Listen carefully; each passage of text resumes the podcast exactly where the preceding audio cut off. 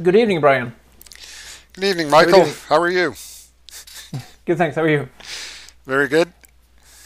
Um, so we're uh, having one of our nightly sessions again uh, about uh, the Swedish regulatory system.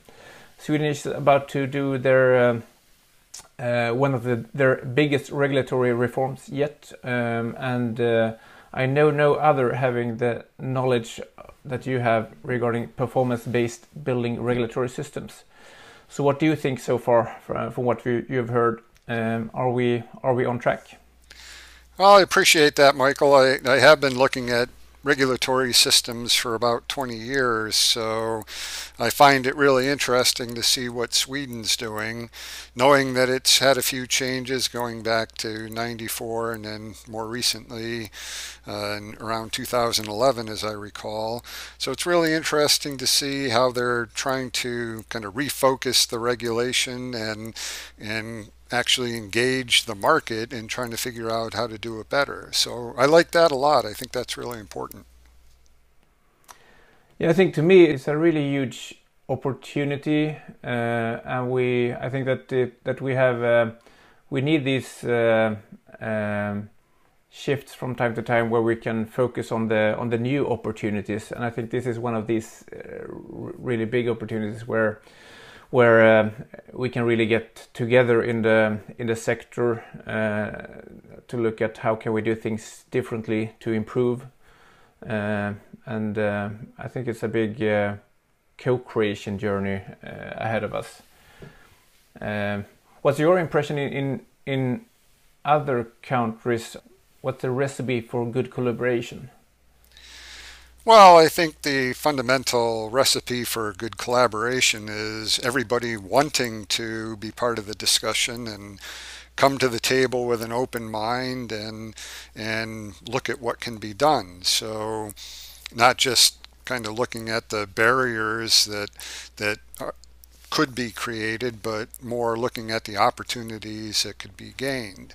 You know, I think countries are, are always looking for ways to uh, provide more opportunities for innovation in materials and systems and technologies to get everybody working together and to you know step back a little bit from government to allow that extra freedom that comes with more involvement from the market. It's a challenge, but it's also a real opportunity.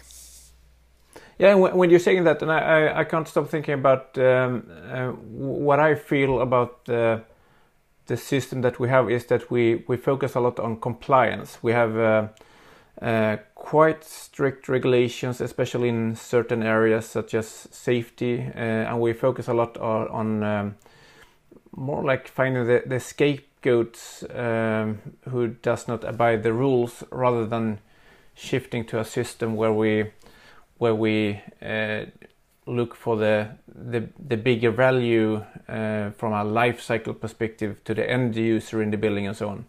Uh, what's your impression?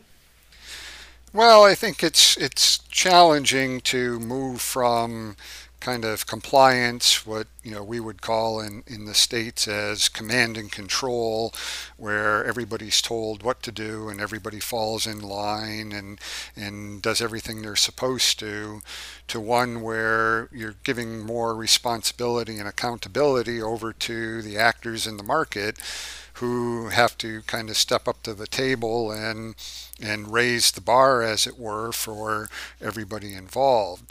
So, you know, different countries have, have taken different approaches. If you look at the English regulatory system, the regulations are only 19 pages. It's all functional requirements, and the market can decide how they're going to comply with that. You look at Australia, they have a private certification scheme where, you know, they're allowing different mechanisms to come in and, and help out on the compliance side. So there, there are different opportunities and, and different challenges with each, but I, I think you know having discussions around the opportunities brings to light where possibilities exist and and where concerns need to be put in place. Yeah, I agree. Um, and I think uh, uh, one thing to me uh, is that the the current system sort of like uh, cements sort of like what what's important to society, but we forget the, the broader interests in society. So um, maybe one way of seeing the, looking at this shift is also to ensure that we have uh, a broader range of um, uh, interests and societal goals that we can all agree on uh, to to sort of like broaden the perspective and also look uh, further into the life of of a building. Yeah, there, there, there's a lot of issues wrapped up in, in, in, in this. I mean, I think generally, and it varies by country, but people look at regulation, you know, to be only when needed and, and to step in, you know, when the market isn't able or, or willing to to be able to take care of themselves and, and deliver what's expected. So some regulations, like the U.S., you know, are hundreds of pages long because it, we have a really litigious environment, and it makes it hard to innovate. In other situations, in other countries, the regulatory touch is lighter, and that allows for more flexibility and, and opportunity. And I think with that flexibility and opportunity, it allows the market to respond better to client needs and societal needs in a more holistic manner because you're not focused on a, a particular discipline in terms of I'm trying to do just the structural or just the energy or just the fire. The team is looking at, you know, how do I make a high quality building that's going to work for the people who use it. So if you can change the mindset a little bit to that user-centered focused and, and think about the building, how it's going to be used over its lifetime and get everybody talking about how to do that, that gives you a lot of opportunities. Right. A key to success is co-creation. So uh, co-creating along this journey when we shape the system is is crucial.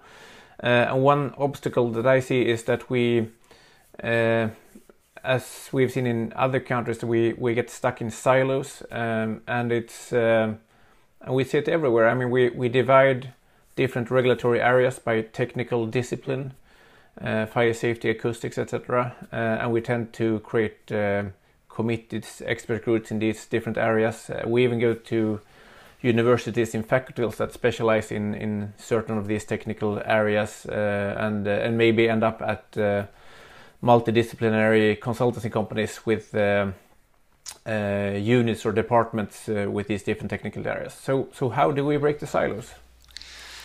Well, it, it, it's not easy, and partly because the different disciplines are, are needed because no one person or entity has all the expertise necessary. So you, you have to learn you know, how to do acoustical design or structural analysis or, or fire engineering. But I think what's missing is, you know, how do you design buildings, right? So buildings are complex systems of systems. They're not individual parts that you, you know, kind of throw on the table and hope they all work together. So you have to have the mindset of, of looking at the, the building holistically. And you can bring that down to a, a, simple attribute like a wall. You know, a wall might have sound insulation, it might have structural stability, it might protect fire spread from, you know, one compartment to another. And so the wall has to meet all those performances. And you need to know how to measure that, but you also have to know kind of what's needed and what opportunities and options exist for materials or openings and all the rest. And if you're talking about this, then you can get to an outcome that maybe is a, a better wall as compared to the prescribed wall. Right. Uh, yeah, I agree. Uh, we we see um, the shift from compliance maybe to proactivity. Uh, we try to break the silos to to empower uh, the stakeholder groups to to co-create uh, and uh, moving the system. We have um, we still have, still have societal control and, and functional performances that you have to to achieve. Um, what key takeaway would you like to um, give to the participants in the sector who are uh, participants on this journey? Well, there's there's a few things, I guess. I mean, one thing is, you know, how much regulation do you need to develop a good building and design and construct a good building versus how much do you need to know about how the building should operate and how do you work with the other disciplines to achieve that. So I, uh, again, I think a little bit there is getting away from, you know, someone or something telling you what to do and more in the mode of how do we work together to achieve this better performing building. I think as part of that, you have to go out and find out, well, what's a better performing building consist of? What are those societal objectives that you really see as important and that you have to maintain? And then, you know, what tools, methods, knowledge, data do you need to, to make it happen? And then as the sector who has the expertise, you have to get together and, and be part of developing the methodologies that demonstrate that you've achieved those performances. And so, you know, there's a lot that can be done, but it happens by the sector and the different groups coming together and looking this at this as a as a problem to solve together to create something better rather than thinking of it as you know making small changes to a system that you know maybe isn't the best to begin with you know let's take the opportunity to do something better. Yeah. So, so a final question. Um, i um, i was thinking some of these shifts um, some of these changes in the regulatory system that sweden is proposing is uh, i guess uh, a, a novel interesting but what would you say is Sweden's biggest asset on their journey to succeed in in uh, changing the regulatory system? Well, I think you know Sweden is known for innovation in different areas and bringing the innovation to you know the regulatory system and the design process is, is really good. I think being able to learn from what has worked as well as what has not worked in the past to put that together as part of a holistic method going forward is really good.